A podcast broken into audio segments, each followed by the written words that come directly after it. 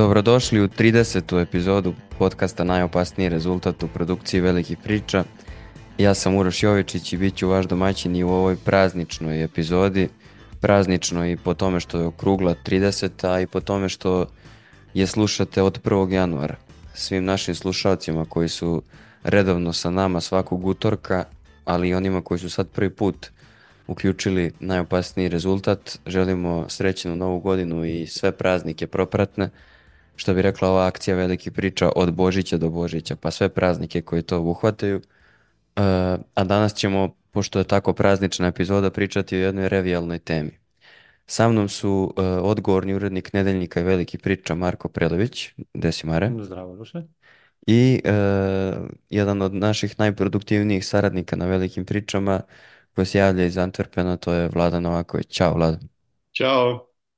E sad, moram da objasnim ljudima šta je tema i kako smo do nje došli. Jedan dan mi šalje Marko poruku da, pro, da proverim ove igrice koje su dostupne na Netflixu i među prvim igricama koje mi izlaze kao preporuka izađe mi Football Manager.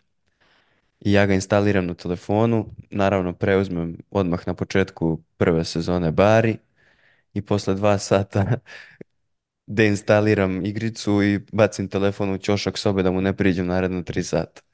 E, onda smo se zezali da bi bilo dobro da pričamo o menadžeru i onda smo shvatili da bi bilo dobro da pričamo baš u ovom sastavu koji je vrlo specifičan i zbog toga što će danas i u ovoj epizodi koju slušate o tome s vama, mislim, vama pričati zapravo o menadžeru i, i razgovarati o tome čovjek koji je rođen 1973. čovjek koji je rođen 1983. i čovjek koji je rođen 1995. I koji su svi fanovi jedne iste igrice koja zapravo nije jedna ista igra i koja se mnogo menjala go kroz godine, ali je zapravo ista ideja i pričat ćemo o nekim o načinima na koje smo se prvi put susreli sa, sa menadžerom, o tome kako, o nekim ono naš, lovačkim menadžerskim pričama koje svi imaju i nekim ludačkim stvarima koje smo doživeli igrajući menadžera i o, o aktuelnoj igrici i o, i o tome kako zapravo u svetu futbola danas postoje neki ljudi koji su upravo preko menadžera dospeli tu gde jesu i tu, tamo gde smo svi zapravo nekad želeli da stignemo, a nismo uspeli. I sad rijed nalaže, jel da krenemo od, od ovog koji je rođen najpre, a to je Vlada Novaković, pa da nam Vlada onda kaže kako si se ti, znaš to kao leksikonsko pitanje, kako si prvi put uradio to i to? Sa 14 sam popušio prvu pljugu. Da, ove, pa vidi ovako, sad sam baš računao nešto, kad si se ti rodio, ti si se rodio početkom januara, znači nastao si negde u aprilu 94. je li tako? Tako je. Što će reći da tačno u danima kad si ti nastajao, ja sam igrao prvi put menadžer. Da, to smo baš izračunali Mare i ja, nismo znali baš u, u, dan, ali to je Da, to. ni ja nisam siguran u dan i jako mi je žao zbog toga što ne pamtim. Ni ali Uroševi se, nisu sigurni u dan. Ja mislim da ni mama ni tata ne znaju. ali se, ali se jako dobro ovaj, sećam okolnosti. Uh, bila je to jedna onako dosta seleb ekipa, s ob, mislim kasnije seleb ekipa, s obzirom da u njoj su bila dva urednika um, um, vrlo relevantnih sportskih i ne sportskih medija u Srbiji, uh, poznati muzičar u Srbiji i uh, još jedan poznati novinar u Srbiji. Naš četvorice smo se okupili. Čekaj, čekaj, nećeš nam otkriti imena ili... Neću. Ove, Eh. jedan, od, jedan od tih urednika sam ja. Ove, Atributi, atributi su im sakriveni. Da, da. Moj, pazi, mislim, u tom trenutku niko naravno nije to, njih trojica su 74. ja sam 75. i moj drugar iz škole, dakle iz filološke gimnazije, eto tražite ko je išao u filološku gimnaziju da je 74. Ove, koji zna da se ložimo na engleski futbal i tako dalje, Ove, je ono, stalno pričamo o tome, bio u fazonu, hoćeš da ideš sa mnom, imamo igricu, super, pazi, to je 94, dakle to je e, druga generacija menadžera, ona prva koja je išla sa lažnim imenima i onda prva u kojoj su stvarni igrači postojali. I mi kao krećemo na Višničku banju, pa ja živim na Novom Beogradu, on živi negde u centru, putujemo do tamo, pa 93. Ti, odnosno četvrta, ti putuješ, ono autobusa nema, ko zna kad ćeš stići. Najveći pljusak na svetu, došao sam kući mokar skroz, međutim, bilo je jako zabavno, ali pritom kao ti si otišao tamo na ono 3-4 sata, kao šta ćeš uraditi u menadžeru za 3-4 sata, ono, otišli smo, igrao se negde decembar i nikad nismo nastavili taj save, ali je bilo ono kao wow, dolazimo tamo naš četvorica, delimo se ko će šta i ludilo kreće i tu se lagano navlačimo. I uh, sećam se uh, je, uh, u, u to vreme još uvek naravno nisu svi imali PC, zapravo jako malo ljudi je imalo PC.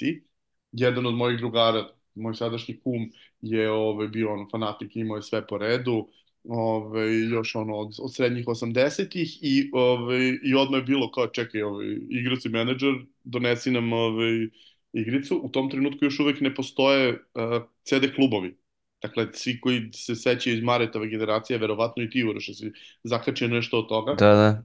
Uh, krajem 90-ih i tokom 2000-ih si ti iz CD klubova ove, uzimao igrice i tako dalje. Do tog trenutka to još ne postoji još ne postoji ništa. Dakle, ta sezona 93-94 je sezona kad je krenula prva kladionica, Atlantik je otvorio svoju podružnicu na stadionu OFK Beograda, ovaj, sa, sa istim drugarima sam otišao na to. Pazi, to nije bila ekipa s kojom sam se ja inače družio, ali jednostavno se nekako dogodilo da sve te ključne stvari iz 90-ih odradimo zajedno i to u istoj, u istoj sezoni. I ovaj, uh, i sad, pazi, ti, ti si mogao da uzmeš igricu od nekoga ko je imao igricu. Naravno, mislim, verovatno je postao jedan primerak menadžera u Srbiji i svi su ovaj, snimali jedni drugima. I sećam se i dan danas, dakle, čak sam i čuvao to dok se nisam ocelio iz Srbije. Ovaj, e, dva flopija od 3,5 inča i jedan flopi one od 5, nešto inča, šta je peti četvrtina, šta god da je, pazi, to to je jedini put da sam video taj veliki flopi da ga neko upotrebljava. To je prestalo da bude standard još ono krajem 80. godina, početkom 90. skoro ništa se na tome nije radilo. On je imao, ako se ne varam, uh, ispravit će me neko, ako zna, 380 kilobajta. 380 kilobajta je u današnjem vremenu um, u Pagesu uh, tekst od dve strane. Ba, baš sam upoređivao to. Uh, moja ove, pričic, moja priprema na po jednoj strani za Marse i Ajax epizodu je 378 bila. Znači, to je to. Toliko može da stane.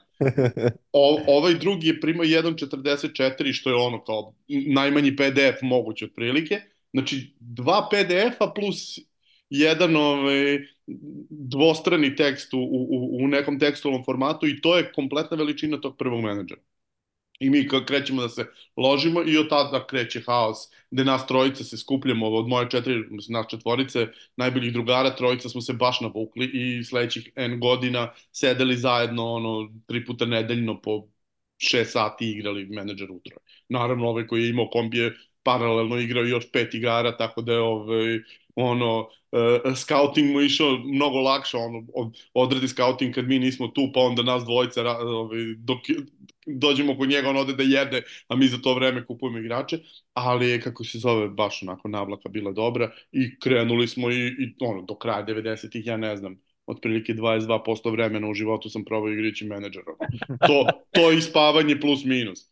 22%. Ali dobra, dobra je priča kako je, ti si stariji od Mareta, ali je Mare zapravo neku vrstu menadžera igrao još pre toga, ali tako? To, uh, kao neka društvena igra. To je bio onaj uh, each that needs to be scratched otprilike. Uh, mi smo krajem 80-ih imali onaj Commodore 64.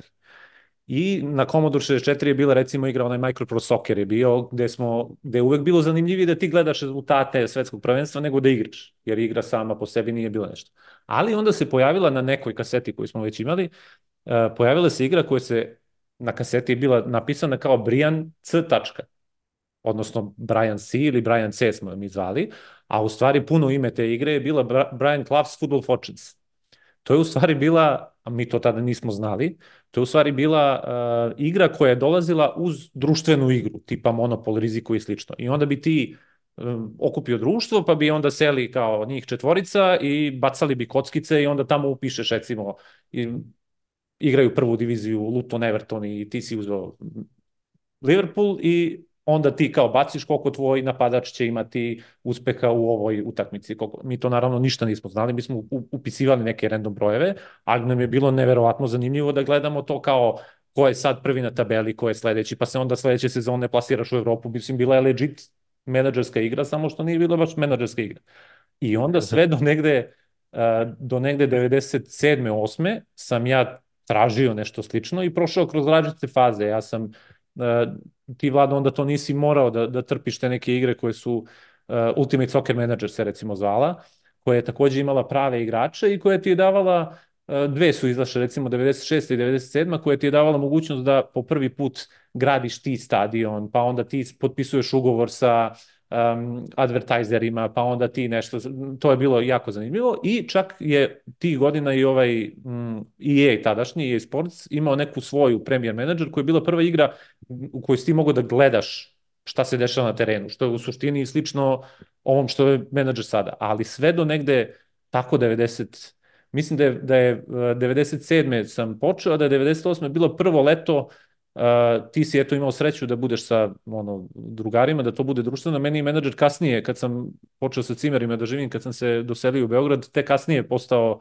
društvena igra, a to je bila jedna vrlo samotnjačka, čak napadno samotnjačka, jer pazi, ja sam živio u Crnoj Gori, u Podgorici, uh, leto je realno vreme da odeš na more, da kad imaš 14-15 godina juriš neke cice, da se zanimaš tamo nekim drugim stvarima, a ja sam to celo leto u Podgorici, leto je ono 45 stepeni, tada ne postoji klima uređaj i slično, ja sam celo to leto proveo igrajući ono Championship Manager 97 na 98. Jurio si napadača Stockporta koji je dao 29 golova. Da.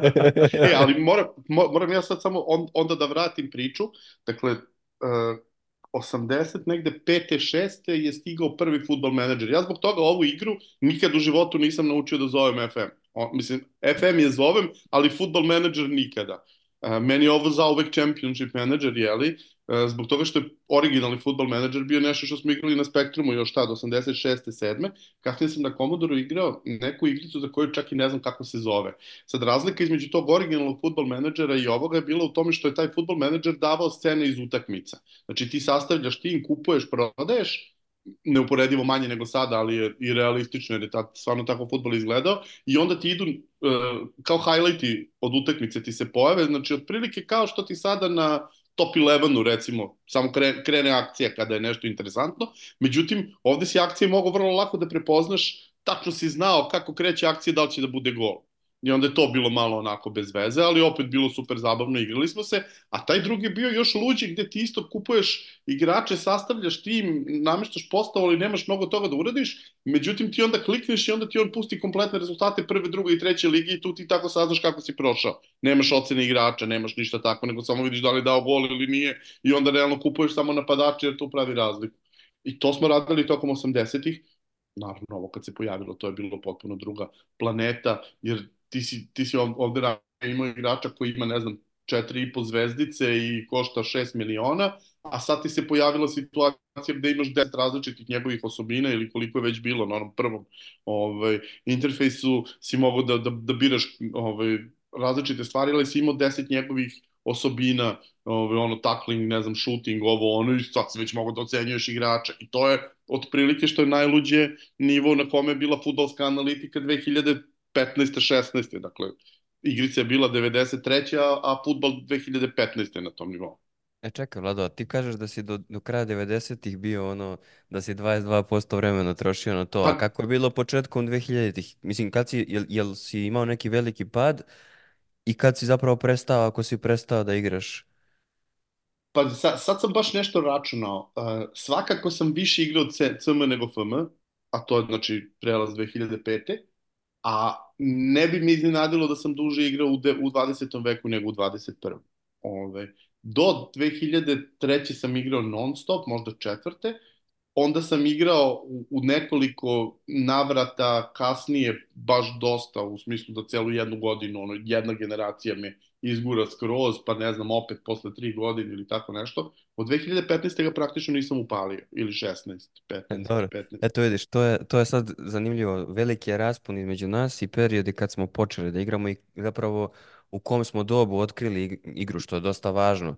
Ti ako je otkriješ sa 18 ili 20 godina, ti imaš predstavu i o futbalu i o, i o svemu ostalom. Mare ako je otkrije tako sa 10 ili malo manje ili malo više, to opet imaš neko znanje. Ja, ja sam otkrio menadžera zapravo sa 6-7 godina i onda je jako smešno kako ti pristupaš. Vi u tom trenutku zbog tehničkih ono ograničenja pristupate e, igri naš sa nekim imate neke barijere, ne možete da radite stvari koje biste realno radili jer igra ne daje te mogućnosti, a ja imam barijere koje nisu tehničke, meni igra već ozbiljno napreduje kako ja, kako se ja ložim, ja imam samo barijere jer ne kapiram, razumeš, ja, sad pričali smo baš, mislim da je to sezona 2001-2002, e, to je godina, pazi sad, godina kad ja igram prvu, prvi put menadžera, kada Marko dolazi u Beograd da studira i potpuno zaludi e, za tim i otkrije da je zavisnik i godina kada ti imaš godina koliko ja imam sad.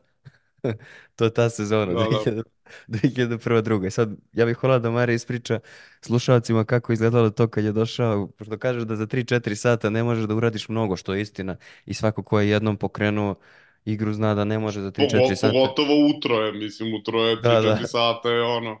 Mada, Ništa. mada, pazi, tu se nismo bavili ničim, posle nam je trebalo 3-4 sata da, da stignemo do 15. jula, jer ono, svi provedu celo leto na analizi svoje ekipe i, i, i, i ono, sastavljanju short liste, tako da generalno nikad, nikad ti, ti, ti ne prođe leto za manje od jednog dana rada. Jeste, jeste. Sad Marija ispričaj kako je, kako Pa, izgleda dolazak. Dao si mi dobar uh, šlagvort ovo, da li sam ja uh, da sam ja postao zavisnik, odnosno kada sam shvatio da sam postao zavisnik. Uh, ja sam došao, znači, u leto 2002. Uh, u Beograd, moja sestra je već živjela u Beogradu, u nekom stanu u Karadžorđevoj ulici sa cimerkama. Ma, malo više stvari sam doneo iz Podgorice, ostavih u žarku kod babe i kod ujaka, ali jedina stvar koju sam konstantno vukao sa sobom je bio taj jedan disk Championship Manager. Sad ja dolazim, znači, vlada mogu misliti 94. 5. ali ovo je već studentarija neka, znači 2001. druge, ne, ne postoji kompjuter u svakoj kući, daleko od toga. Ono što postoji, postoji onaj klub u platovu sa računarima, gde ljudi dolaze i tako šalju mailove, moja, moja sestra meni šalje mailove odatle, a ja sam, ja sam kući u Crnoj Gori. A, onda ja, umesto da idem na predavanja na fakultetu, odlazim i uplaćujem, jer za toliko imam, po recimo sat, dva u, u platovu.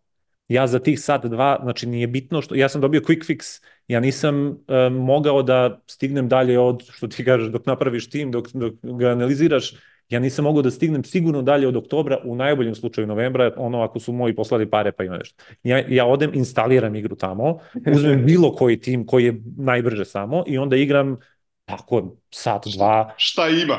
šta ima. I onda se fino pokupim i vratim se u, u, u kuću u, u Karđorđevi i počnem da pijem i dok pijem naravno crtam taktiku za naredni put kad to budem uradio. I tek kad smo se ono skućili kako treba i kad sam ja ono doneo svoj kompjuter, onda sam mogu da nastavim sa svojim ovaj, normalnim ludilima. A sad, to kako pričamo da su okolnosti različite, ja realno počinjem da se bavim sastavljanjem timova i ono prepoznavanjem igrača i sve tokom bombardovanja. Tad imam četiri i po godine i znam da zvuči sumanuto, ali je tačno. Ima dosta živih svedoka da potvrde, pa onda prvo evropsko mi je 2000-te i to prvenstvo me totalno poludi, to mi je, to mi je omiljeno prvenstvo ikada i onda počinjem da gledam redovno seriju A i našao sam juče dok sam se pripremao za ovo jednu staru, jedan svoj stari idealni tim uh, serije A iz 2000. 2001. što znači da imam pet i po godina i zapisao sam ga da vam pročitam Čitaj. Moj, moj idealan tim. Na golu Paljuka, jer sam ga sastavljao sa drugom koji se zove Luka. I onda, znaš, nisam imao puno izbora. Čekaj, pa je tu Sampdori, ili tako? Bolonja. A bu, već tamo, da, da. Da, da, već je, to, to je 2000, 2001. Već je on na zalasku, ali nema veze. Znači, Paljuka, Mihajlović, Tiram, Nesta, Helveg, Ruj Košta, Rekoba, Stanković, Fiore, Montella i Hubner. Znači, Da, Dario da. Hubner je ostao, Dario Hubner je u Breši u tom trenutku, to, on je meni ostao omiljeni napadač ikada iz serije A, ali pazi, znači imam pet i po godina kad sam ovo sastavio i kako sam ja to napisao, to je 4-3-1-2 formacija. Molim.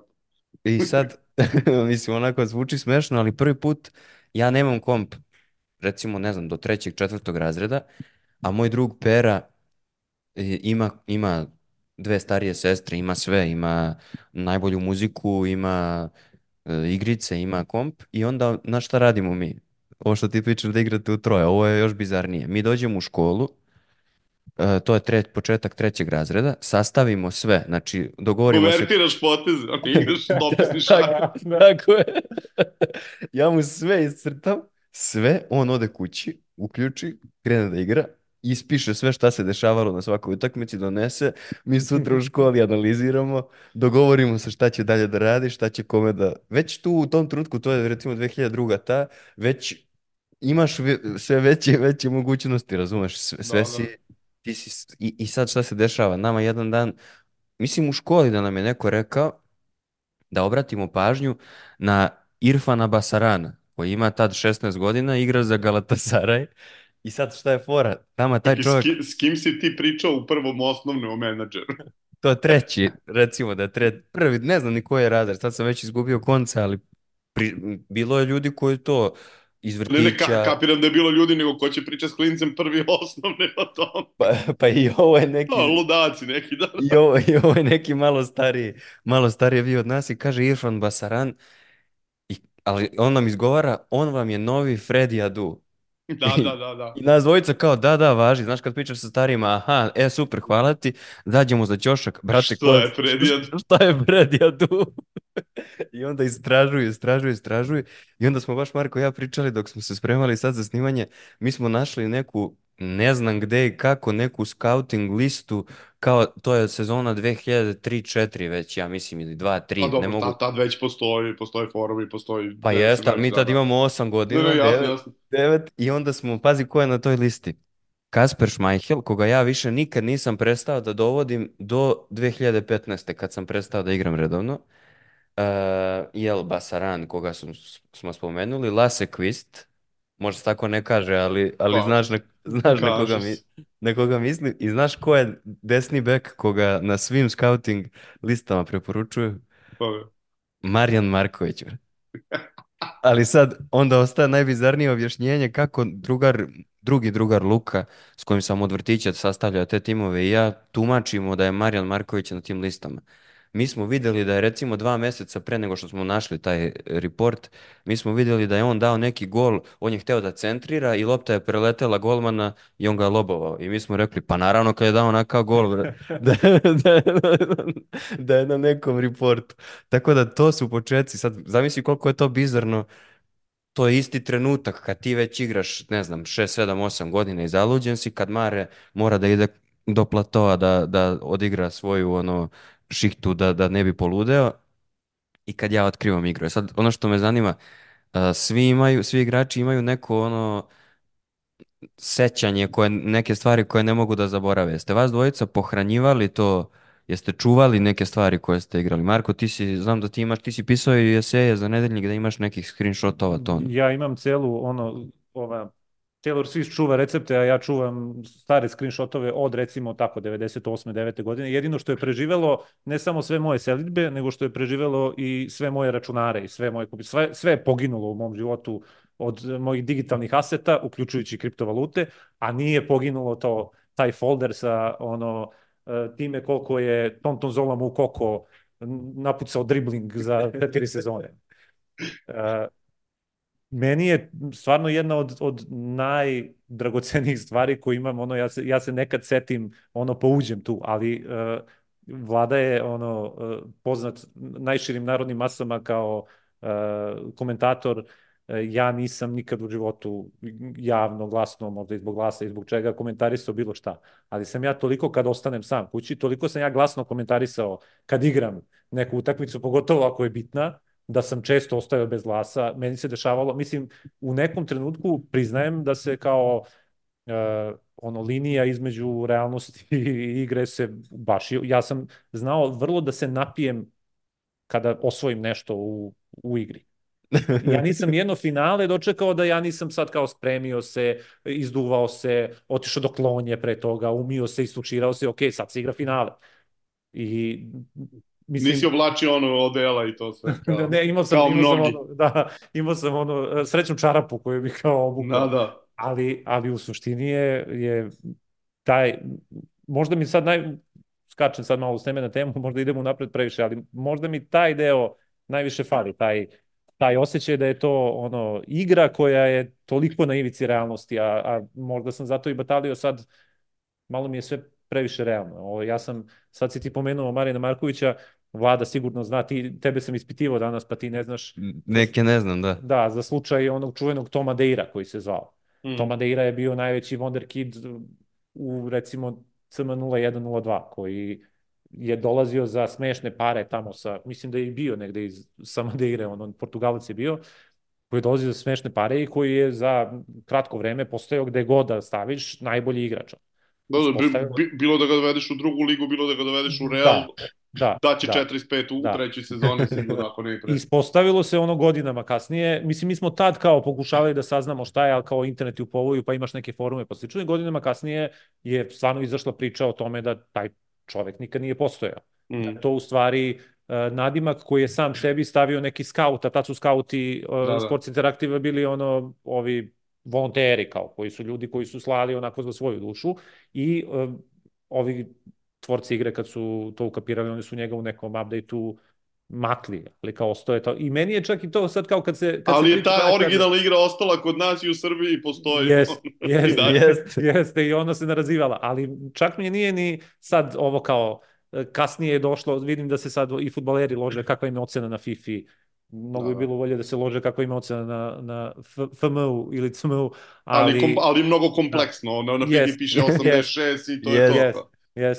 Ali meni je bilo drago da postoji i dalje mi je drago da je postoji eto takav jedan faul, jedan kiks koji je bio to Madeira koji u stvari ti Ma pazi, nije, nije to, da, je, da je to bila igra. Nije to jedan kiks, imaš ono, Maksim Cigal koji iz, iz iste generacije menadžera, super legenda, najbolji strelac u istoriji svega, onda se ispostavio da je Maksim Cigal ko golman i gomila takvih situacija još postoji, a meni, ono, ja, ja sam obožavao bagove u igrici um, u jednoj generaciji PSV, recimo tamo s kraja, s kraja 90. godina, um, sećate se Denisa Römedala, danskog reprezentativca desnog krila, e, u, da, istoj, da. u istoj igrici, znači startuješ PSV i imaš Denisa Römedala i Denisa Brömedala, gde je Brömedal bolje ocenjen za tipa ono, po jednu ocenu u svemu.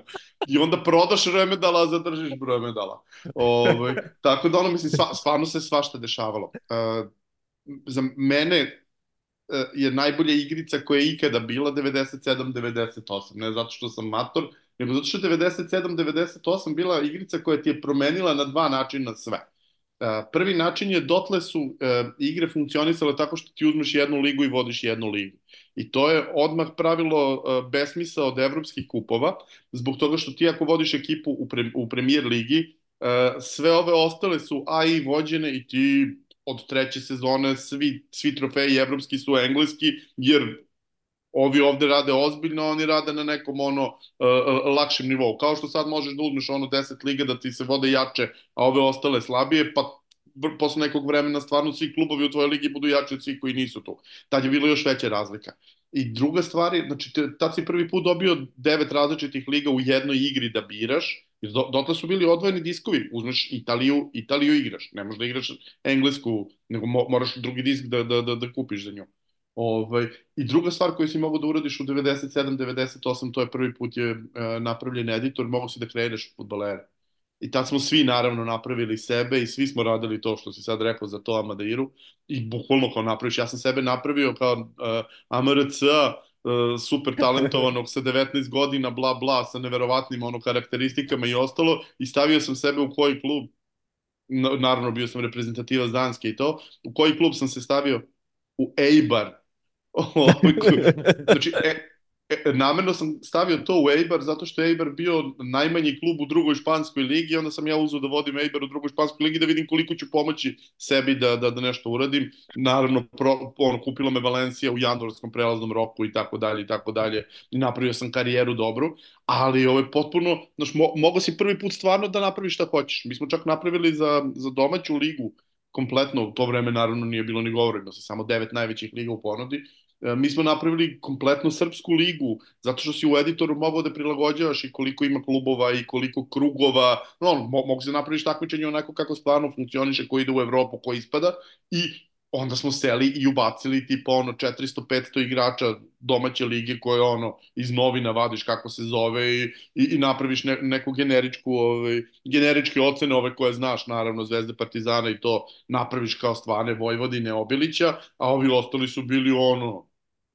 9, 9, 10, 10, kao, kao Nemci. Meni to bilo najfascinantnije, inače, uh, u tim ranim generacijama menadžera, sve dok Nemci nisu počeli da, da rade dok nije, dok nije krenula ova nova generacija, gde su svi nemački igrači kad uđeš u Bundesligu imali ocene između um, 10 i 16 ako su vrhunski, između 7 i 12 ako su loši i između. Znači niko nema 20-icu, niko nema dvojku ni u čemu. Znači bukvalno svi su kao da su generički pravljeni futbaleri i kad, kad, kad recimo startuješ Bundesligu tada, svi igrači su ti isti, idealno. Totalno ludilo. A Marek, kad Vlada spominje editor, na šta si ti, šta si ti radio tu i na šta si tu nailazio, pošto znam da je tu bilo isto bizarnih situacija. Pa to kad smo mi čačkali e, editor, to je bilo malo kasnije, to je bilo 2000 recimo treći, četvrte, pete godine i onda si ti tu mogao da vidiš i one hidden da, da. atribute da. u stvari. I jedan od tih hidden atributa s kojima smo se mi zezali je bila neka vrsta, sad ne znam kako se zove, 20 godina prošlo, ali neka vrsta, da li ambicije ili tako nešto. I onda ti mm. to možda spustiš igraču da bi on E, pristao da dođe, mislim, ja sam i bez toga jednom uspeo da, ja sam bez toga jednom uspeo da ovaj, Jimmy Floyda Hasselbanka sa 35 godina nagovorim da dođe u Aberystwyth Town u, u Velsu. Mm. I taj screenshot mi je dugo bio na ono, na desktopu uh, računara. A uh, ovo sve pominjem zato što mi se jednom desilo, ja mislim, u 98, 99 ili 99 0, uvek je meni prvi save bio Liverpool. Naravno. Uzmem, uzmem menadžer i onda, da, i onda uzmem Liverpool I e, sad sam tako srećan, bukvalno prvi trenutak kada sam ono došao sam, stavio sam disk, instalirao sam kako je već išlo, uh, ubacio onaj krek ili onaj kod ili šta god i onda sam pokrenuo igru, uzeo Liverpool i posle jedno dve prijateljske utakmice ili tri prijateljske utakmice mi se povredi Steven Gerrard, koji je tada DM, ime, ja igram formaciju njega da prilagodim, on je tad mladi možda je čak bilo 0-0-1, možda je čak bilo i kasnije. On je tad mladi defensive midfielder kojeg ja, ja pravim taktiku samo za njega 4-1-3-2 i on se povredi. Posle vrati se iz povrede, posle mesec dana se povredi opet i meni stiže vest tada i nikad više da je Steven Gerrard odlučio da prekine karijeru. Da on više ne može, ne može da izdrži povrede i šta ti ja znam i slično. Pazi, ja imam i sa ovim drugarom ovaj, Anteom koji se trenutno oporavlja od neke operacije sam razmenjivao ono iskustva i, i ove screenshotove. Njemu se recimo desilo dok je kasnije dok je vodio Hajduk iz Splita da su mu se četvorica igrača njegovih potukla na, na utakmici da su dobili crvene kartone. Kod Newcastle. da, da, i razne stvari sam imao, ali nikad mi se nije desilo i onda sam ja ugasio on otprilike. Ste videli nekad smrtni slučaj na, na, u, u menadžeru? Ja, ja sam ne, imao ne, situaciju gde ne. neki igrač umro na terenu. ne, bože, da. Eno, isto nešto. Nije, kod moje, nije u mojoj ekipi, ali kao desilo se, kao samo su objavili, kao bla bla, kao bez dana preminuo futbaler u, u, u drugoj ligi. Ne, to su, to su zanimljive, bizarne situacije koje realno ne možeš da zaboraviš, ne moraš čak ni da ih, ni da ih screenshotuješ, da ih zapamtiš, ali sad, realno mimo toga, ostale su one neke šampionske sezone kojih se svi sećamo.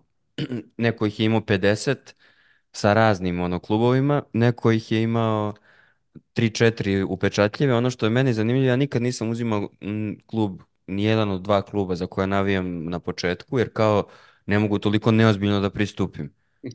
moram, moram malo da... da što, bi, što bi rekao sin jednog mog kolege ovaj, kad, kad mu je sestra počela da trenira odbojku za, za klub za koji navijaju, ali tata, ima li ona kvalitet za nas? A pričamo o devojčici od šest godina u tom trenutku. e, to ti je to. Ja kao ne pada mi na pamet da uzimam sad Liverpool ili ovaj drugi klub za koji navijam zato što, brate, ne mogu tako nespreman, moram malo da uđem u štos. I ja sam gotovo uvek kretao iz serije B, i jer ja sam ono to, to dete odraslo na, na prenosima serije A i to na drugom delu tih prenosa, ne u 90-ih, nego na početku 2000-ih. I zato sam sad kad sam instalirao ovo sa Netflixa, uzeo Bari zato što je to serija B, to je taj način, ali realno pamtite sigurno i neke šampionske sezone. Marko, ali imaš ti neku ono šampionsku sezonu koje, koje se sećaš da ti je ostala za ono urezana, šta si uradio, kako? Mm, sećam se da sam sa, ne sećam se nego pamtim imena igrača, da sam sa Barry Townom iz Velsa, klubom koji je kasnije prestao da postoji, pa sad opet postoji, ja kad ih vidim negde se obradujem i dalje, prošlo je 25 godina, da sam s njima uspeo da uzmem kupu EFA. i da sam sa Temortom iz Engleske uspeo iz konferencije, recimo South ili North, koje su već ona, da uđem u Premier ligu i to sa sve igračima koje sam, recimo dvojicom, trojicom, koje sam vodio od konferencije. i nisam hteo da ih pustim da idu i oni su polako napredovali i onda su igrali Premier ligu. Ja kad sam stigao do Premier lige, ja sam otprilike se ugasio. Ali ono što, evo, baš bih volio da čujem kako ste vi igrali, pošto ja nikada nisam uh, možda jednom, dva puta onako iz, ajde da probam, nikada nisam išao iz kluba u klub. Nija, možda Ja uzmem tri klub i tu sam dok me ne šutnu ili dok se ne završi save ili dok se ne smorim i to je to. A, a znam dosta ljudi koji su igrali, nema veze, onda postaneš i selektor, onda pređeš u drugi klub, malo bolji. Za mene je uvek taj jedan klub bio projekat koji ja želim da napravim. Da, ja sam isto tako, ne znam za Vladu, ja sam možda dva puta rekao, e sad hoću ja da krenem od nule iz, iz neke žnje lige i da, da vidim dokle ću ja kao ja da stignem. Ne ja kao klub, nisam, obično sam to, što ti kažeš, identifikovao sam se sa klubom i kao nema šanse da sad idem negde drugo, nego ću da budem ovde dok ne ostvarim neki cilj. I kad ostvarim cilj, to je to, onda pravim novo, krećem iz početka. Vlado, jesi ti menjao klubove ili kako? Da, ja sam prvi put promenio klub kad nisam bio tu, dobio sam otkaz u ne mogu da se setim čemu i onda su mi drugari, ovaj, nisam bio prisutan na sledećem, pošto kao ne, nis, nemam tim, ne- ovaj, oni će sami to da odigraju, uzeli su mi posao u Derby County i onda sam nastavio da vodim Derby County, a jedini put da sam stvarno uh, menjao klubove je bio moj najduži sej, pošto meni nijedan sej nije trajao duže od 5-6 godina, Ovaj, e, taj mi je potrebao 13. Dve godine sam vodio Bristol Rovers i plan mi je bio da vodim Bristol Rovers. Ušli smo iz četvrte u drugu ligu e, i onda kad sam tražio, mi smo imali nešto, na primjer, budžet, red veličina, miliona, a, a u ligi niko drugi ispod sedam i krenuli smo kao krećemo u sezonu, ja ne mogu ni jednog igrača da sačuvam jer ono osmoricu mi pokupe jer imaju ono klauzule da, da odu ako, ako ovaj, nešto. Ove, ne mogu da kupim nikoga ko, ko može da igra na tom nivou, ja pošaljem upravi jedan ultimatum, drugi ultimatum, upravo me otpusti. Ove, i ja ono, ostanem, ni, ništa ne radim i ponudim mi posao Nottingham Forest. Ja pređem u Forest, isto druga liga, uđem u prvu ligu titula, Liga šampiona, bla bla. I posle pet godina u Forestu, Ove, mi smo prvi, United je deseti, dobio otkaz trener i ponudi mi United posao i kao šta da radim, naravno da ću da Inače ne bih. Ove, ali kako se zove, to mi je jedina, jedini save gde sam stvarno kao sedeo i, i, i planski menjao ko- klubove. koliko su tvoji save, Pa, najviše trajali? tako, možda, možda sedam. Mene su nervirali, ne znam kako vas, mene su ovi regeni, ner... ja nisam mogu Da, se da. saživim, Da, da, da. se saživim sa sad kao, ok, eventualno kad ti on izbaci nekog klinca koji je tvoj, pa ga ti onda tu malo te, tetošiš, pa onda on bude, ali i njihova, mislim, mislim sad, se, sad smo se zezali, baš ovaj drugar kojeg sam pomenuo, ovaj, šalje mi poruku, Chelsea je sad igrao sa, da li ovo kao sa Vulsima ili ono, ono prethodno i kao pogledaj im klupu, molim te, puni su regena. I Da, kao, da. bukvalno su kao neka nepoznata imena. Ali m, imam samo jednu sad malu uh, pričicu koju sam, ti si Vlado možda to isto ispratio, uh, nekad taj regen možda bude zanimljiv. Um, na Twitteru je bio uh, izvesni ne znam, on Englez neki pisao posle tek za Vice o tome, koji je napravio onaj lažni Twitter profil svog regena koji je igrao za Celtic, Ivica Štrok, Aha. čuveni neki Hrvat. I on je Ivicu Štroka uh, doživljavao kao, odnosno predstavljao kao pravog futbalera i sve njegove uspehe, on na kraju je Ivica Štrok postao i menadžer, on je nekim rudimentarnim photoshopom ga je sad pričamo o 2014. i 15. ga je ubacivao kako Ivica Štrok prima nagradu za najbolje igrača, kako bla bla. A onda kad sam pročitao tu, bila je simpatična priča, a onda sam pročitao kako je ovaj, taj dečko um, izgubio brata u kao real life-u i kako je njemu taj uh, Ivica Štrok i čitava ta priča bila malo način da se on kopuje sa tim. I kako je on kroz ne znam, Ivica Štrok onda postaje, taj fiktivni Ivica Štrok postaje zaštitno lice neke kampanje za uh, ovu prevenciju suicida i slično, onda su ga čak i Sports Interaktiva zvali, Sege čega god, zvali su ga pa, su ga, pa, su, pa je on bio kao dobio je, rekli su mu imaćeš besplatno, besplatnu igru do kraja godine, do kraja života i bit ćeš ono zaštitno lice i to, tako da hoću mala digresija da kažem da nisu svi regeni toliko loši, ali mene nisu uspeli nikada da, da napale da ja ostanem sad do 2040. da simuliram. Ne, ja, meni je zapravo najduži save i prvi ozbiljan kada sam se oslobodio svih tih konvertiranih odluka, što kaže vlada, kad nisam igrao na daljinu ili na tuđim kompovima i šta se desilo, jako bitan događaj u mom futbolskom poimanju života i svega. Moj drug iz, iz nas trojica smo bili nerazdvojni u vrtiću, Luka, Andrije i ja. Luka bukvalno sa mnom išao u vrtić od, od jaslica. I nas dvojica smo to kao petogodišnjaci navijali za Lazio, Andrija za Romu. I ekstremno smo znali, sve smo znali o seriji A. I u petom razredu Luka dođe kod mene u odeljenje. A išao u totalno drugu školu. I ja, on, ja imam svoj komp novi, instalirao menadžera, on tu klupa ispred ili iza mene, tako nešto. Svaki dan pričamo o tome. I to je moj najduži save je Leeds, ja uzimam Leeds, sezona 2004-5 i sećam se, sećam se prve pripremne utakmice, igra se protiv Hanovera, u Hanoveru u tom trenutku Veljko Paunović i Krupniković igraju i Merte Zahir. ja, ja dovedem Paunovića i Merte Zahira u, u lice. Nemam pojma kako. I ta sezona cela kreće tako što ja dovodim iz Liverpoola... Čekaj, to, to je godine kad su ispali iz ligi. Prva godina u Championship. A ne sećam se sad, brate, iskreno. 4-5 je sezona, to znam sigurno. Ne, su, ne... Ja sam te pitao sa Fowlerom, kažeš nije sa Fowlerom. Mislim da nije sa Fowlerom, ali u svakom slučaju znam da sam ja, pošto nisam imao sa 9-10 godina, nemaš baš toliki fond igrača koje može da dovodiš, ograničen si na ono što gledaš.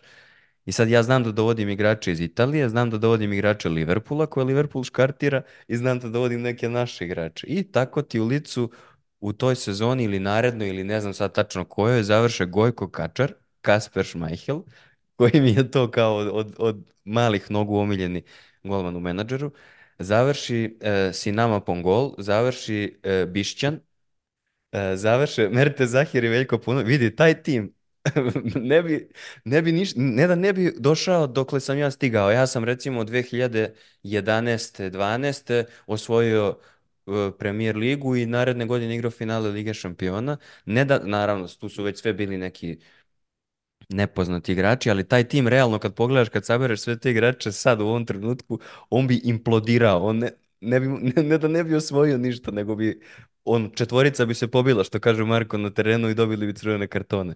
Ali jebi ga u tom trenutku to ti deluje kao... To, to je lic, to je prirodna stvar. Pritom sam ušao, pre nego što smo počeli epizodu, da pogledam koliki mi je bio budžet uopšte. I kao, budžet je 161.000. Da, da, da, da, to je sigurno kad su ispali iz ligi, da, da. Da, to je da to. Fast.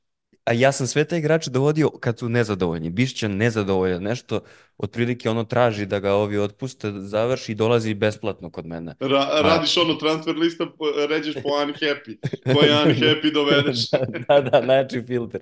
I, i, i pazi, ta sezona mi je bilo ludilo jer je trajala, taj save je trajao 100 godina, ali imam i, imam i jednu ono negativnu, to ću, to ću ispričati, ali hoću vas prvo da čujem, jel imate neko ono sećanje da vam se srušio svet, da ste sve obuli srećnu čarapu, stavili srećnu kravatu, istuširali se i onda otišli u, u dubiozu. Sećate neke te ja, ja, ja mogu da ti dam obe jednu za drugom.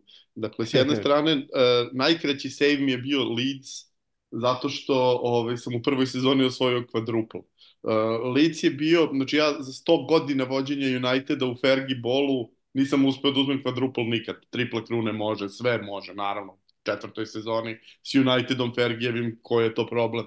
Međutim, ja, i uvek sam vodio United samo tada dok se ne upoznam sa forama igre koje čemu je različita ova od prethodne godine. Posle toga ga više ne uzimam jer je prelako ali nikad nisam uspeo da uzmem quadruple. Uzmem Leeds. Leeds je ono, ono vreme kad su pokupovali sve, kad su doveli Fowlera, Ferdinanda, ma sve, sve što postoji su skupili odjednom.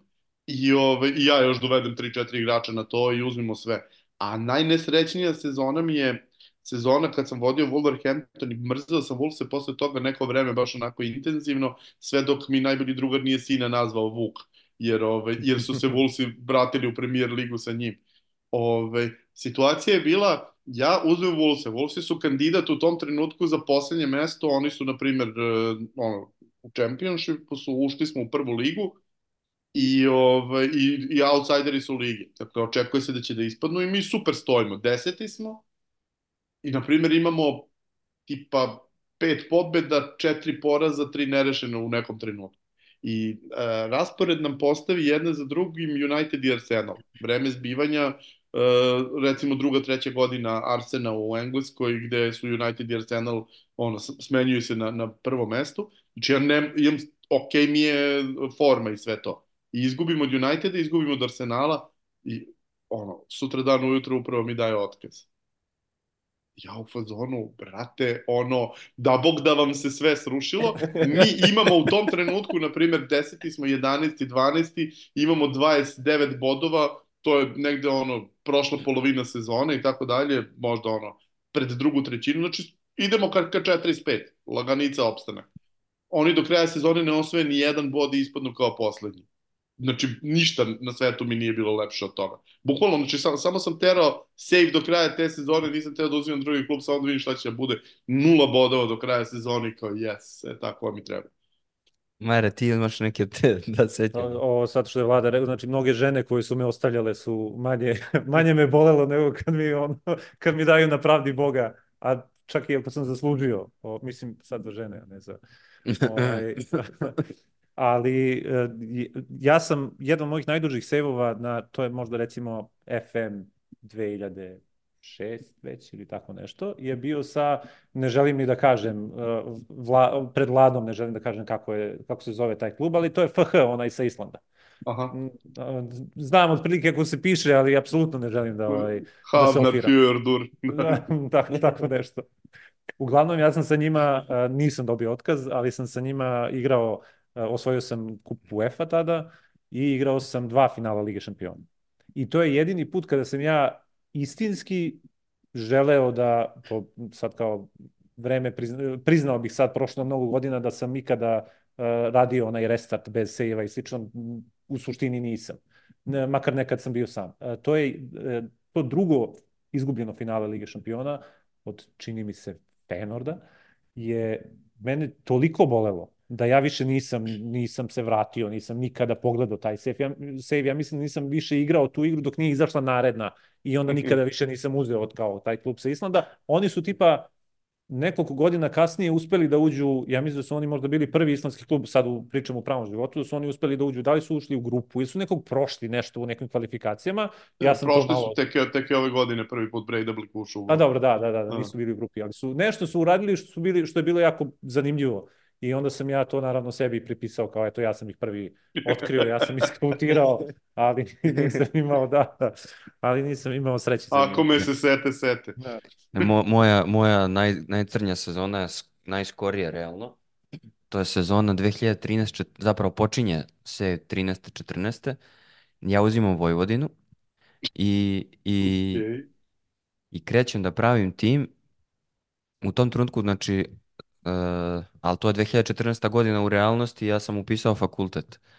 I spremam neki ispit i krećem da igram sa Vojvodinom i krećem da pravim, sećam se tima, znam ga na pamet, igram s tri pozadi, uh, Pekarić centralni štoper, levi uh, Babić, desni uh, Pankov. Pekariću odmah veća plata. Pekariću naravno veća plata jer mi je stric, odmah sve beneficije iskače mi da Jonathan Zebina završava karijeru i kao da li bi ga uzeo da ti bude mentor uh, klincima u klubu, naravno, DT serija A. Dovodim nekog Petra Tena, mislim da se tako zove neki uh, Rus iz CSKA mladi, uh, i on mi je levi wingback, desni mi je Puškarić, ko je pratio Srpsku ligu, zna da on baš da nije igrao wingbacka, ali ali kod mene jeste. I sad šta se dešava? Ja ubeđujem Sergeja da dođe na pozajmicu. Moj tim izgleda savršeno i u sezoni 14-15 ja igram Ligu Evrope, kvalifikacije, kvalifikujem se, prolazim grupu, u osmini finala ili ne znam već čemu izbacujem Celtic i u četvrt finalu pobeđujem na Giuseppe Meaci 4-2 Inter.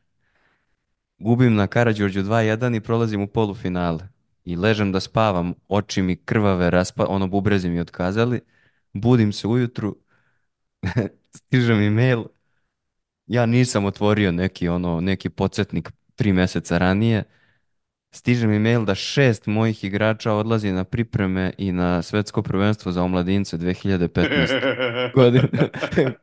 koji inače, na Novi Zeland. na Novi Zeland. Tako da sam se ja najmanje u Srbiji radovao toj, to, toj tituli prvaka sveta. Meni odlaze Staniša Mandić, koga imam u špicu da, u tom da. trenutku, Vanja koji mi je prvi golman, Sergej koji mi igra, uh, Babić, Pankovi, ne znam ko je šesti, ne mogu da se setim. U svakom slučaju tu je bio i neki ono o, Berry ili tako nekako špic Vojvodine koji je tu zaista igrao, možda sam i lupio ime, ali koji je nosio 99 i koji je dao Interu gol uh, Puškarić koji ima dve asistencije na Giuseppe Meac. Ja imam sedam bodova prednosti u odnosu na Partizan uh, i igram polufinale Lige Evrope i meni šest ključnih igrača Gaćinović, da. meni šest ključnih igrača iz prepostave odlazi na pripreme i na Novi Zeland i ja bukvalno počinjem da plačem i gasim i ne igram i mislim da sam odigrao još jednu posle, još jednu 2015. i da više nisam ni igrao. Tako da to je moja, moje tragično iskustvo ko, koje... A super je bilo, sad ja isto malo skačem s teme na temu, ali ovo me podsjetilo sa ovim Islanđanima, kako pogotovo ranije kad nije bilo toliko futbala na TV-u, pa si ti u nekom trenutku mogao da ukačiš kako taj neki čovek, a to nisu bili nešto, bog zna kako poznati futbaleri, kako on izgleda zaista i kako on zaista igra. I ja se sećam da smo mi negde sedeli uh, 2000 2000. 2001. godine i da smo ukačili neki, ja ne znam koji je to mogo da bude kanal, znači vrlo, možda neki satelitski kanal koji prenosi utakmicu austrijskog prvenstva. I u, u da li u Austriji ili u Salzburgu, stanu u Salzburgu, igra izvesni Andri Siktorson, kojeg smo mi obožavali, kojeg smo dovodili isto kao špica islanđanina na, na milion, uh, u milion klubova i kao ti prvi put vidiš tog čoveka. A danas smo se setili Uroš i ja kako je taj ono čuveni, najčuveniji ikada možda u Černa Sambu, Fredi Adu, ono, put ga je u jednom trenutku doveo u Srbiju i kako je on igrao u Jagodini. I kako je... uglavnom nije igrao u Jagodini. Kako nije, nije igrao čak, čak ni u Jagodini. Ali je bilo, i onda kad je, da ne pričamo o ovim nekima koji su se malo, ovaj, koji su se probili, a za koje smo mi znali, kao ne znam, bio je onaj Daniel Braten koji je, ili kako se mm. već, naravno, koji je igrao čak i za reprezentaciju Norveške, ja mislim, ili kada pa, se... Pa Fre Freddy Adu je, je legit bio Wunderkind, on je dečko sa 13, da, 13 da. godina igrao i, i bio je MVP prvenstva do 17, znači nije da je, da. da. sad da li, da li je stvarno imao 13 godina, to možemo da, da, da, da ovaj, različimo, da. ali u tom trenutku je stvarno postojao i stvarno je bio Wunderkind. Nije, A ja sam, ja se, ja se sećam i kad je, sad je to već mnogo kasnije, kad je odlazi u penziju ovaj Kennedy Bakircioglu, kojeg smo takođe dovodili ono, u milion klubova koji je bio jako jeftin, on se posle vratio, je li bio u Ajaxu, čak bio negde u Grčkoj. On se vratio da li u Hammarby ili ne znam gde. On je igrao protiv Partizana za, za, za Jurgen da, Gordon, da, čuvenoj, da, da, da. u onoj čuvenoj ekipi gde su oni Kim Shellstrom da. bili zajedno. Da, ne bih ga tako izgovorio nikad, nismo tako ugovarali, ali... Pogled, pogledali smo se da shvatimo o kome reći. Kal, Kalstrom za, za, da, za da, oni koji da, čitaju Kalstrom, da. Kalstrom, Kalstrom i Farnerud zajedno sa njim. Da, da. Kalstrom za pravoslavne Srbe. Mm. E sad, uh, ono što je mene zanima, je li imate, da li možemo da sastavimo nekako top 11 naših omiljenih igrača koje smo vukli za sobom svuda? Jer kao, meni je to zabavno, generalno kad ljudi osuđuju trenere koji imaju svoje igrače, eto Mourinho ima svoje igrače, Barak Bahar ima svoje igrače, jok, nego će da ima tuđe igrače, pa naravno da ima dobro iskustvo s nekim ljudima i da ih vodi za sobom. E sad, jeste vi imali neke te koje ste baš svuda vodili, baš me interesuje ko su, ako ste ih imali. Mare, val, ko se seti prvi, može i Vlada ako se seća nekog. Aj krenite vi pa ću da se setim. Uh, Mark Kerr iz Falkirka. Druger, da, da, da, da. da. O, o, ja sam Mr, uvek cenio... MRC, da, da. Da, uvek sam cenio dobrog MC, onako, koji da, može da. da igra, da pokriva, da pokriva više po, pozicija. I bio je ovaj, uh, kad smo kod Šveđana, bio je ovaj Stefan Selaković. O, Stefan da, da, on da, MRC, da, da. Da, a onda se ispostavilo, negde na Guardianu izašao tekst, da Stefan Selaković je vrlo bio posvećeni ljubitelj igre I da je on vrlo često se, i kao onda su ga naravno pitali ti sebe dovodiš, pa kao pa dobro, dovodim. Ono, i ovaj, Desi se, da. da. I naravno od ovih... Ako mi trebam. Od ovih sa istoka, ovaj, Isaac Okoronkvo, koji je bio u Šaktiru, da, da. mislim, i Agahova. Agahova, naravno, da. Da, da. Da, Agahovu si isto mogo da dovedeš da. bukvalno bilo gde. Mislim, nije hteo da ode on u drugu ligu, ali ono bilo gde u prvoj ligi, čak i u nekoj ono S tim što je sa, sa Englezima uvek bio problem sa work permitom. Da, da. Uspeš da dobiješ... Da, meni, meni, meni je sa, sa work permitom bio, mislim, to sad, ne znam koliko to ovi mlađi kapiraju, ali uh, do, jedne, do jedne tačke tamo negde početkom ovoga veka, u Engleskoj si ti morao i kad dobiješ work permit i potpišeš da za klub, morao si da, da, svake da, godine da ga da ga obnavljaš i uslov ti je bio da igraš 75% utakmica. Ja sam tad doveo momka koji se zove Sun Ji Hai, koji je igrao stvarno za Palac, igrao je posle i za City, ja sam ga doveo u United. Sun Ji Hai je bio prototip igrača kako je želiš. DMRLC i nikad mu nije frka da je na klupi. A imao ono sve, 16, 18, 14, 19. Ove, igrao, kad god igrao, igrao je dobro, međutim, pošto sam imao jeli, rotaciju, mislim, to je, pričamo o kraju 90-ih, ove, i odigrao mi je, na primer, od 57 utakmica u sezoni, odigrao mi je 28, kraj prve sezone, on ima ugovor na 5 godina, piše VP crveno, nikad više neće igrati. I on četiri godine sedi kod mene u rosteru, četiri godine zauzima mesto u rosteru, a ti ne možeš da, da, da ga iskoristiš jer ne može više nikada da dobije radnu dozvolu. Kako a inače, pa kad pričamo o tim igračima koje uvek vučeš, Niklas Aleksanderson, DMRL, Da, i on je bio DMR, DMRLC.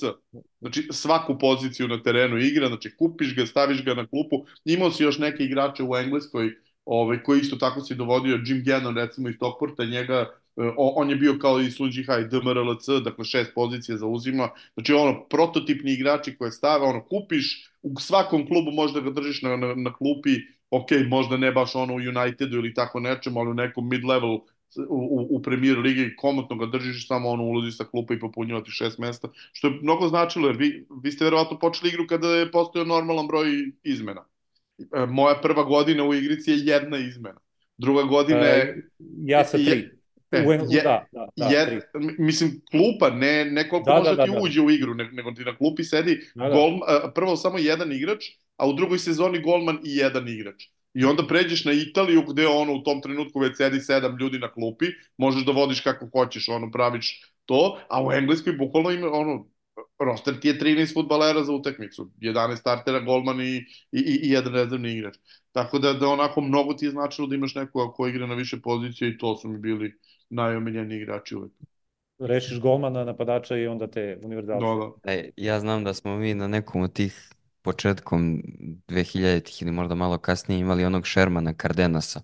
Da, Ne znam se vi njega sećate, on je bio bukvalno, u- u- uzmeš neki tim i prvo njega dovedeš, pa, pa onda razmišljaš o svima ostalima, a ja sam to emotivan tip, pa onda nisam propuštao Kaspera nigde i nisam propuštao Gojka Kačara. Ja kao nenormalan, ono, uzmem neki tim iz serije B i Gojko Kačar automatski dolazi. On je imao on je isto pokrivao sve pozicije manje više u veznom redu, mogao da igra štopera ako je frka i imao kao mogućnost da razvija svoje napadačke potencijale. Da, Pa ja da. onda, ja onda otkrijem na, na nekom forumu ili neko od drugara otkrio da kao ti ako staviš igrača koji je e, desno krilo igra desnom nogom, ako ga staviš da godinu dana igra levo krilo, levom nogom, on kao nabuđiš mu levu nogu, brate.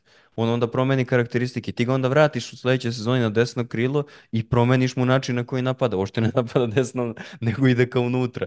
Napada Da, da. kao unutra. I meni je to kod nekih naših igrača tako baš dobro radilo, tako da sam se ja više držao tih emotivnih, ono, eh, za koga sam bio emotivno vezan, nego praktično. Ali sećam se ovog Cardenasa da smo njega dovodili masovno. Čekaj, Čim... jesi, jesi dovodio igrače to po, po zvučnosti? Kasper, Kačar, Pekarić, Puškarić, sve ono sa, sa sličnim imenima da ih lakše zapamtiš. E, ali imam još jaču foru za Vojvodinu u prvoj sezoni. E, imam Pekarića, a u, pregovaram sa Petrom Tenom, tom tim Rusom, a pregovaram i sa Slovakom koji se zove A Pekarik, da, da, da. da. Pekarik. I sad sam teo da spojim Pekarić, Pekarik, to bi bilo savršeno. Ali, ali na kraju je ostalo bez njega. A, Ko- ono što je... Kod, kod Simona kad imala Jagodić, Kuriđu i Strawberry u istom trenutku. Samo još da se strawberry zvao kak ili tako nekako i onda bi bilo savršeno. E sad me, me zanima, uh, Vlado, to bi možda ti bolje mogao nama da objasniš i svim slušalcima, a kako danas funkcioniše igra, ko su danas skauti, ko su danas neki novinari, e, ko se pojavljuje recimo iz Srbije, iz ovih, od ovih ljudi koje poznajemo ili za koje znamo, ko se pojavljuje u igri, pošto... Moram ja samo jedno cinično, ono, otkad su novinari se pojavili u toj igri, ta igra više ne valja ništa. E, ja, ja nikad nisam igrao od kad su se novinari pojavili, tako da nemam pojma ko se pojavljuje od novinara, znam ko se pojavljuje od, od, od stručnih lica. Ovaj. Uh, ve, velika, velika mi je satisfakcija bila kad sam video jezdu maloga Jezimira Nedeljkovića da se pojavio tamo, on je jedan od najvećih, najvećih nada srpskog ovaj, uh, skautinga i treniranja generalno, ovaj momak koga, koga, koga sam upoznao kad je imao koliko 16 i po 17 godina i sad je ono, mlađi, e, e, nedavno izašao iz svojih tinejdžerskih godina i, i trenutno radi u, u, u jednom od klubova koji ovaj, vode, u, koji, koji su igrali Evrokupove ove, iz Srbije, ali on kad se pojavio to je baš bilo onako le, lepa satisfakcija da neko tako koga koga znaš i pratiš od kad je klinac uđe u to. I znam dosta, dosta momaka koji generalno ovaj, uh, uh, sa, sa kojima sam imao neku, neku vrstu komunikacije tokom vremena, uh, govorim sada o, o, o strancima, uglavnom o Engleskoj i Beneluxu u Skandinaviji, koji su isto tako, ono, ne znam, sa, sa 21 ušli u menadžeri kao veliki, na, baš je lepa stvar, svi drugari se to je, to je da uramiš da staviš u dnevnu sobu. Da, Jedino da. bolje od toga je da stvarno postaneš trener. Ja. Pa od, e, pa da. od prilike da. O, A to mislim, se dešava, je li tako? E, ali e, većina njih jesu uglavnom već počeli da rade, nego su počeli da rade kao, ne znam, ono, 17 lice, sad pazi, u vreme kad sam ja najviše igrao menadžera, tad i, ono, trener golmana bio, wow, kao imaš i trenera golmana, sada imaš 50 ljudi u stručnom štabu, tako da, da, da svi mogu da se pojave. Imaju više prostora da se pojave, ali ovo što ali, Mare kaže... Ali generalno, generalno je stvar sa, sa menadžerom što je prvo posto to, dakle, kompletna replika stvarnosti, Drugo, što, što se razvio i čitav niz medija koji se time bave. Dakle, imaš gomilu medija koji su ono, pišu tekstove o tome, bave se menadžerom kao, kao ovaj, uh, idejom, dakle nije više ono sad sedimo mi i, i, i ono grupa obskurnih ludaka na, na, na internetu ono piše po forumima i po sličnim mestima i tu saznaješ stvari. Ali, ali, ali moram da vam kažem obojici, mislim, ja nikad nisam volao da, da, da uh, uh, to kao, videli smo na forumu ima 16 poznatih igrača, daj da ih pokupimo sve. Ja sam jednom i to na nekom, uh, uh, recimo kad sam posle 15 godina uzeo uh, uh, 0102 kao najpoznatiji, uh, ovaj, pa sam tada recimo uzeo da dovodim te Tomadeiru, ovoga, Cigalka i ostalog, da vidim kao da i sada rade, da li bi se, ali u vreme kad su bili, uglavnom nisam. Ja sam se tad ložio na ove skandinavce, jesam, zato što sam inače skandinavce dovodio, uvek sam pokušavao da nađem nekog norvežanina da mi igra u napadu i, i to kao u svakoj generaciji, ali ovaj, uvek me, ono, mrzlo me da uzimam te za koje znam, kao na šok, ja, Agakovu, ne. video sam ga na terenu, kao gledao sam ga u, u Ligi šampiona kako igra, kao, ali to da, da uzmem nekog za koga nemam pojma da li postoji, to mi baš bilo bez veze. To jeste, ali kad imaš 8 godina ili 9 i ovaj ti preporu, preporuči Basarana, Basarana, onda može, kucaš samo da pogodiš kako se zove i preziva. Jedna od najbizarnijih stvari koje se meni dogodila, zapravo nije se dogodila meni i nije se dogodila, nego... I nije stvar. ne, ne, jest, jeste stvarno bilo, nego nije se dogodila, nego je bila ciljana akcija.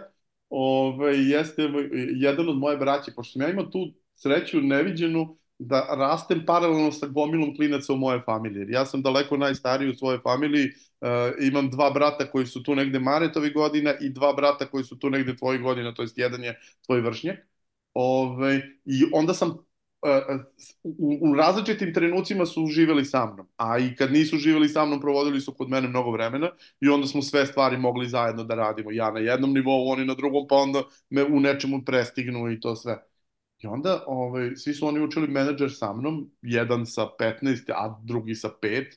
Ovaj, I sad ovaj koji je učio sa 15, koji inače navija za isti klub kao i vi, ovaj, krenu da mi se hvali nekim uspesima neverovatnim i pogledamo i onda kao za baksus da mi pokaže na achievementsima šta je uradio, a na achievementsima u toj godini je bilo bukvalno, pošto tad nije bio uh, uh, ono, save and exit, nego morao si da se sam setiš da ga sejvuješ, ako, ako izađeš bez sejvovanja, gasi ti se igra. Znači ono, ne zapamti ti ništa što ti se dogodilo umeđu vremena.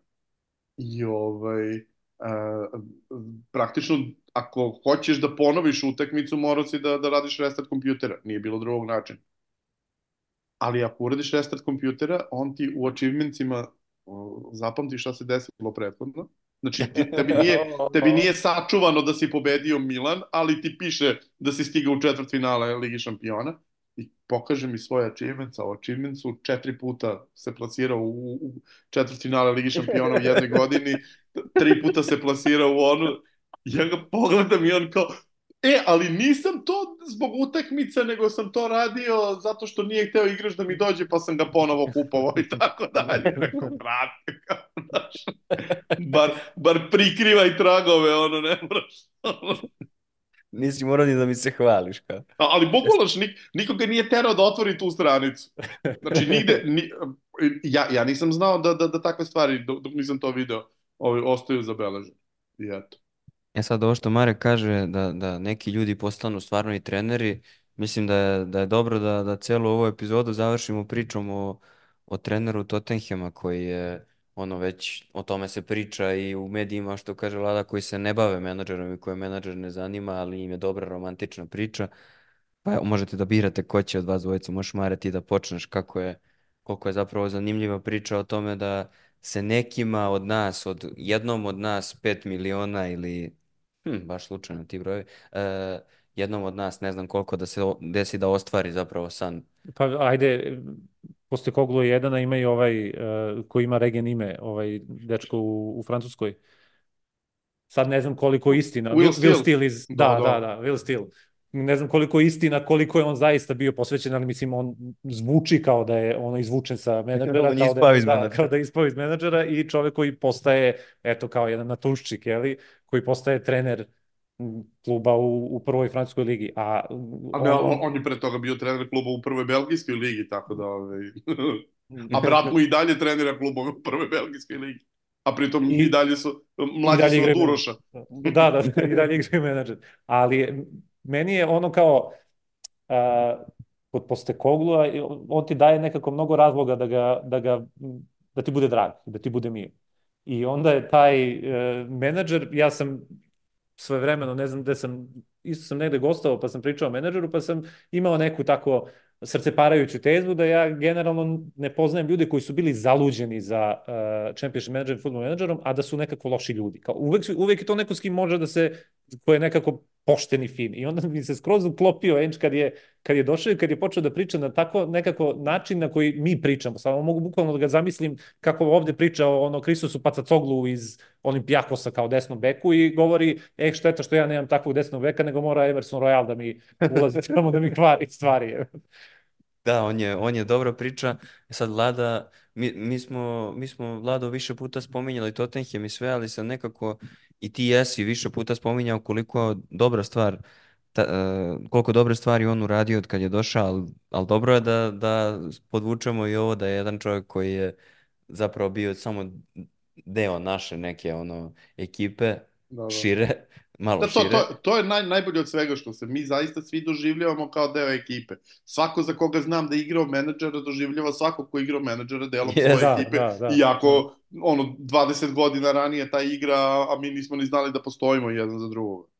Jeste, jeste, to je tako. Sad, jel mislite da, da postoji šansa da, da neko od, to što Marek kaže, naturščika, neko ko baš nema veze sa futbalom, ako ko samo igra prilježno menadžera i trudi se i posvećenje i vodi statistike i analize, radi i sve, da može da, da napravi stvarno dobar rezultat. Jer meni je ovo, mislim, ipak ova cela priča o, o obojici koji su stigli ovako daleko, nisu oni samo igrali menadžera i došli dotle. Ne, ne, mislim, e, mnogo se promenilo i sada je to sasvim sigurno neuporedivo lakše. U vreme kada je krenuo menadžer, pa i u vreme kada ste vas dvojica počeli da igrate menadžer, prvo je postojao odijum u, u generalnoj futbolskoj javnosti prema ideji da, ne, da ovaj, neki brojevi tu odlučuju. Jer mislim, takođe za, za gledalce koji su mlađi od 90 i neke godine, stvarno je teško da razumeju da je pre 2005. Dakle, dok je postojao CM, nikad nije postojala nikakva slika. 2005. kreće Da, prvi da, put da, da. 2D, a Da. tek posle nekoliko godina 3D, ali dotle je bio samo tekst, znači ti sediš i gledaš u, u tekst koji se ispisuje i gledaš Jeste. zapravo, sve vreme gledaš ovaj, u, u, u onu stranicu gde su ti statistike. Ono, I što kaže Marko, vežbaš brzo čitanje. Ja sam naučio Tako brzo da je, čitam. tako je, zahvaljujući. Tako je. Ove, I i uh, tada je bilo to teško i zapravo Endić se već bavio tim poslom, ali je koristio menadžer da bi napredovao u tom poslu, da ne bude na basic nivou, nego da, da, da, da krene da radi druge stvari. Uh, kad su braća Steel krenula to da rade, oni su jako čudna priča, zato što su oni deca iz uh, njihovi roditelji su bili u Belgiji, onda su oni otišli u Englesku da se školuju, pošto su Englezi. Ove, I prvo, ve- već imaš neviđenu prednost jer moraš da, da znaš tri jezika. Drugo, ove, učio si futbal van engleski, a došao si u Englesku, to je baš ono groundbreaking, jer su Englezi tad još bili hermetični. Ove, I sada su krenuli jedan i drugi tu, ali, ali njihova karijera je prava počela tako što su seckali klipove i, i nosili scouting analize trenerima u, u, u Sintraudenu. Dakle, u jednom prvoligašu u Belgiji. Ti to nisi mogao da uradiš ono pre 15 godina, jer nisi imao nikakvu, nikakav pristup bilo kakvim klipovima, jer većina futbala nije ni postojala na, ni, ni na televiziji. Ti, ti recimo pre 25-30 godina nisi mogao da zamisliš ni, ni, ni da je 10% utakmica snimano video. A sada imaš situaciju gde možeš u Srbiji na televiziji da gledaš ono bezmalo polovinu utakmica koje se igraju u tom trenutku. Dakle, potpuno su drugačije e, situacije i mogu potpuno da zamislim da gomila sadašnjih klinaca koji ono kreću od toga sa, sa 10 godina, već sa 25 mogu nešto da urade. Teže u Srbiji gde je ipak malo drugačiji mentalitet, ali uh, lakše negde gde, gde su ljudi otvoreni ka takvim stvarima, što bi bila neka Skandinavija, neki Benelux, gde pretpostavljam da, da, da nikakvih ograda nema u tom smislu, nego će ti dati priliku sigurno. Ali kad smo kod tih ljudi koji će postati preko menadžera nešto, evo ja mogu odmah da se kladim na Antoana Grizmana, zato što pričamo o čoveku koji ima IQ 200, pričamo o čoveku koji je jedan od najvećih futbalera u ovom veku i koji je fanatik za menadžer od njega očekujem da će napraviti ludičko. Znači on, ono što Šabi Alonso krenuo da radi, to od njega očekujem. E pa, odlično što je Vlada ovo spomenuo, jer ćete u narednim danima do kraja praznika čitati, e, čitati tekst o, o, o Malom princu, koji sam ja pripremao neko vreme, pa bio sprečan da ga završim, ali sam ga sad završio. On je jedan od e, najvećih futbolera u istoriji futbola. Ja sam isto veliki zaljubljenik i to tako počinje mi tekst u trenutku kad Argentina 2018. smanjuje prednost Francuza, Griezmann donosi loptu na centar, okreće se ka svojoj ekipi i pokazuje im da se smire. Ja to nisam našao nigde, osim kad pustite celu utakmicu, gledate iz početka, nema ni u jednom highlightsu, ni, a to je zapravo ključni trenutak utakmice. I to je jedan od to kako on vodio tu ekipu i to šta on generalno radi, ali da ne otkrivam sad šta sam pisao. On radi sve, brate. On, on, on, radi... radi, on je bukvalno ono kao ekonom je u klubu i u reprezentaciji, sve. Ovaj, ovaj, ovaj sastav podcasta Najopasniji rezultat voli Grizmana, tri od tri čoveka vole Grizmana, tako da nemamo problem da ga hvalimo još, ali ćemo da vas pustimo da uživate u 1. januaru ili u već januaru kad već ovo slušate, da uživate u ruskoj salati ili što bi naše kolege iz Hrvatske rekle francuskoj. Nema Adama Mališa, ali poneki skok može da se isprati i dalje i da se isprati utakmica Newcastle i Liverpoola koja se igra večeras u 9. Prikladno da... za novu godinu, jer šta ćeš da staviš ako ne Newcastle i Liverpool za novu godinu? Tako Vatromet je. je garantovan. Tako je, da svima bude lepo, da stomaci budu puni, instalirajte menadžera i verujte u, u, verujte u, u velike snove. Postoji velika šansa da se ostvare. Hvala vam, momci, pa se čujemo u sledećoj epizodi. Ćao. Ćao. Ćao.